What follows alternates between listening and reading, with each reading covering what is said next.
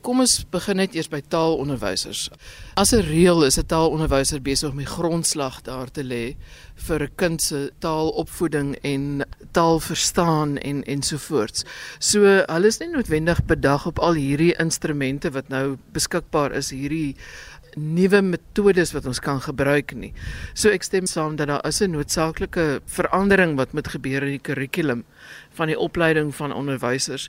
En dan natuurlik nou in die groter prentjie nie net taalonderwysers nie, maar onderwysers per se en natuurlik akademici en sovoorts. Dosente aan universiteite is so bietjie meer ingestel op hierdie tipe van ding want ons werk met plagiaat en die sogenaamde spookskrywers. Die groot vraag natuurlik is nou hoe gaan ons dit aanspreek en hoe gaan ons onderwysers kry om bietjie meer bedag te wees en jy weet ons het verskillende generasies onderwysers wat nog nie eers noodwendig almal met rekenaars werk nie.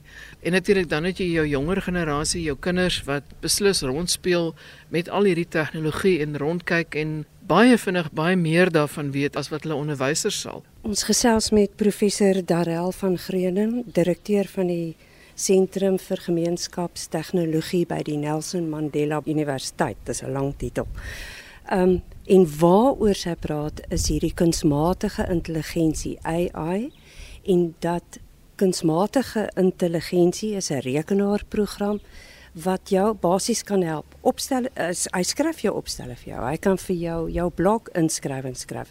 Verduidelik net meer net in kort dat die luisteraar kan weet waaroor praat ons nou.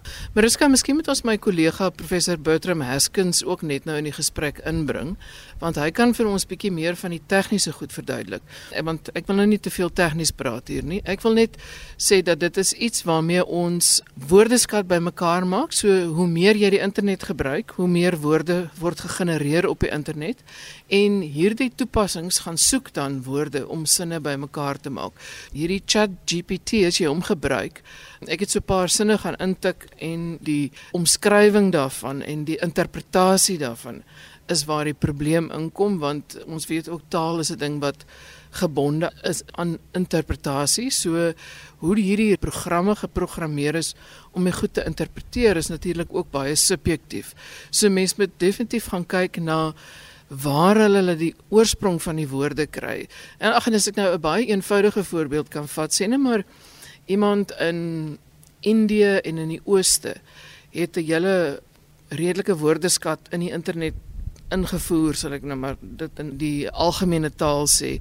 En ek wat nou in Noord-Amerika sit, wil nou 'n ding gaan omskryf. So binne my konteks in die Amerikaanse konteks is daar 'n spesifieke manier hoe ek 'n ding gaan beskryf. Nou gebruik hierdie masjien die konteks van Indië of China om die ding te omskryf en skielik beteken dit iets heeltemal anders. So jy kan verstaan hoekom ek sê dit is nodig dat onderwysers en akademici en mense gaan moet heropgelei word om te kyk na hierdie goed binne 'n konteks. Maar as ons hom nou maar sommer net hier uit die lug uitgryp, kan jy dalk begin agterkom dat jy hier baie vreemde stories skryf en dat jy paragrawe het wat nie noodwendig aan mekaar koppel en sin maak nie. Dit is nou waarna die lektor en die nuusredakteur en die onderwyser waarna hulle moet oplet.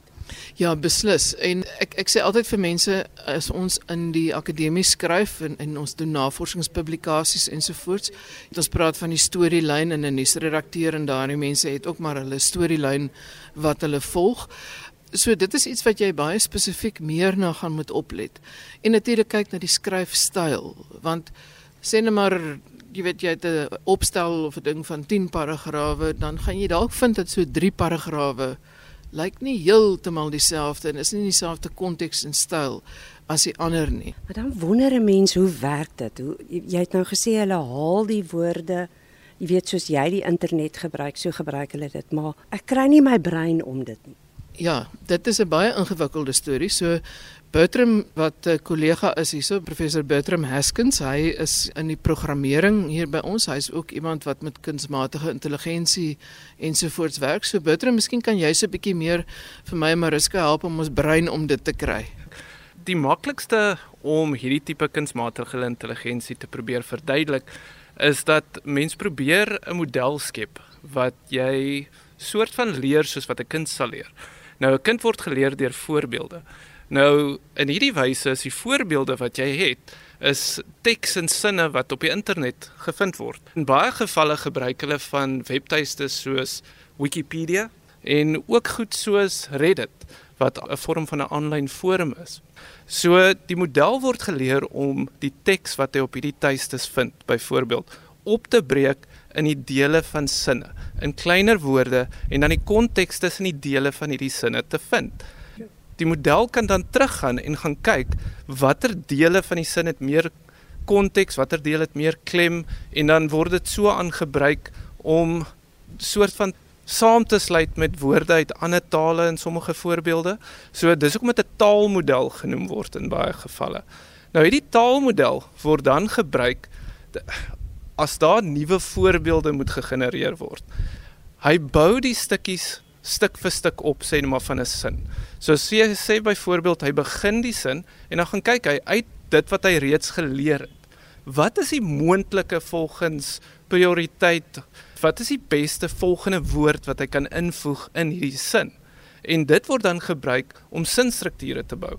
Ek wil net seker maak hierdie model hy werk op algoritmes en algoritmes is iets wat as jy die internet gebruik as jy op openbare platforms en so aan deelneem dis waar die algoritme die inligting kry vir hierdie model wat nou sy eie stories skryf as mens dit nou baie eenvoudig kan. Op die eenvoudigste is dit waar.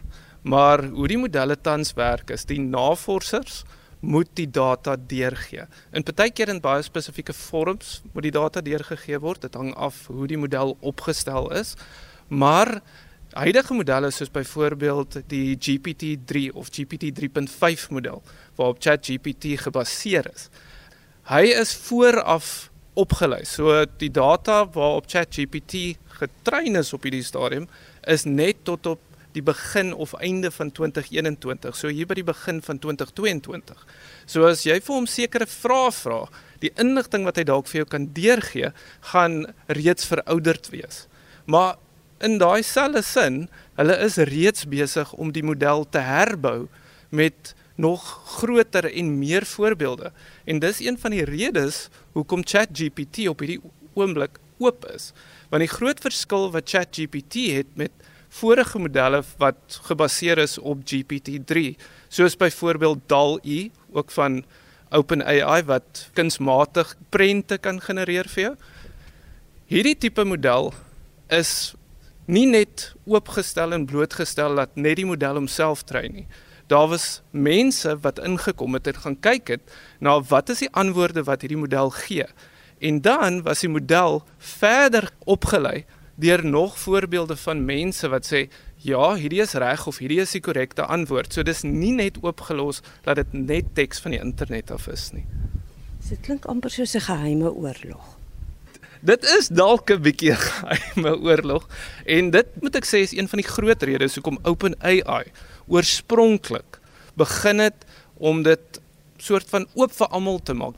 Want die idee was dat een groep mense moenie hierdie wapen in aanhalingstekens in hulle kasse hê nie. Almal moet toegang tot dieselfde hê. Nou, daar's baie navorsers wat sê, wil jy werklik hê dat as jy teruggaan na die die 80er jare met die kernoorlog van die knoppie, wil jy werklik hê almal moet 'n vinger op die rooi knoppie hê of wil jy hê dat verantwoordelike mense die vinger op die rooi knoppie moet hê? Maar dit is nog baie oop vir bespreking. Beide in navorsing en ook in die werkswêreld. Maar op die oomblik is die Chat GPT, die bot wat nou self kan skryf, is hy nog oop. Hy is nog oop op hierdie stadium en interessant genoeg binne die eerste 5 dae het hy 'n miljoen mense gehad wat opgeteken het vir hom. Maar die idee hoekom hy oop is, is juis omdat hulle nog terugvoer van mense wil kry.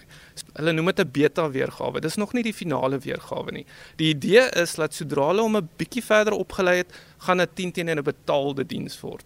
Dit is die plan want OpenAI is nie meer 'n uh, nie vir profit organisasie nie. En dan die gewone internetgebruiker het hom gratis al sy woorde gegee. Dit kan of Wikipedia wees of Reddit waarop hy oorspronklik getrein is. En hy is op 'n kleiner deeltjie van die oorgrootte GPT-3 model gebaseer. So dis nie net heeltemal die internet nie. Maar dit is waar een van die groot probleme met die bevooroordeeldheid van 'n model inkom, want bronne soos Wikipedia en Reddit word geskryf deur mense. Dit word wel gemodereer deur mense, maar jy weet nooit watter deel van daai teks deur die model gebruik word om sy antwoord te gee nie. En dit is hoekom mense sal sien, sodra jy ChatGPT begin gebruik, daar is 'n kennisgewing wat sê neem net kennis dat wat ons vir jou sê is nie noodwendig korrek nie. Maar ehm um, professor van Greuning, dan sit ons eintlik op 'n kennistydbom of 'n inligting tydbom want dit kan gemanipuleer word. Jy weet soos ek luister na Bertram en dit wat hy sê, kom die vraag by my op is ons nog betyds en timely soos ons in Engels sê met ons opleiding en is dit nie nodig dat ons bietjie verder kyk na wat ons moet doen en wat dit beteken om in 2023 'n programmeerder te wees en hoe 'n mens vorentoe gaan met die kurrikula en die opleiding van dosente, die opleiding van onderwysers want ja, potensieel het ons 'n woordbom hier voor ons, 'n elektroniese woordbom wat ons dalk nie eers van bewus is op hierdie stadium nie.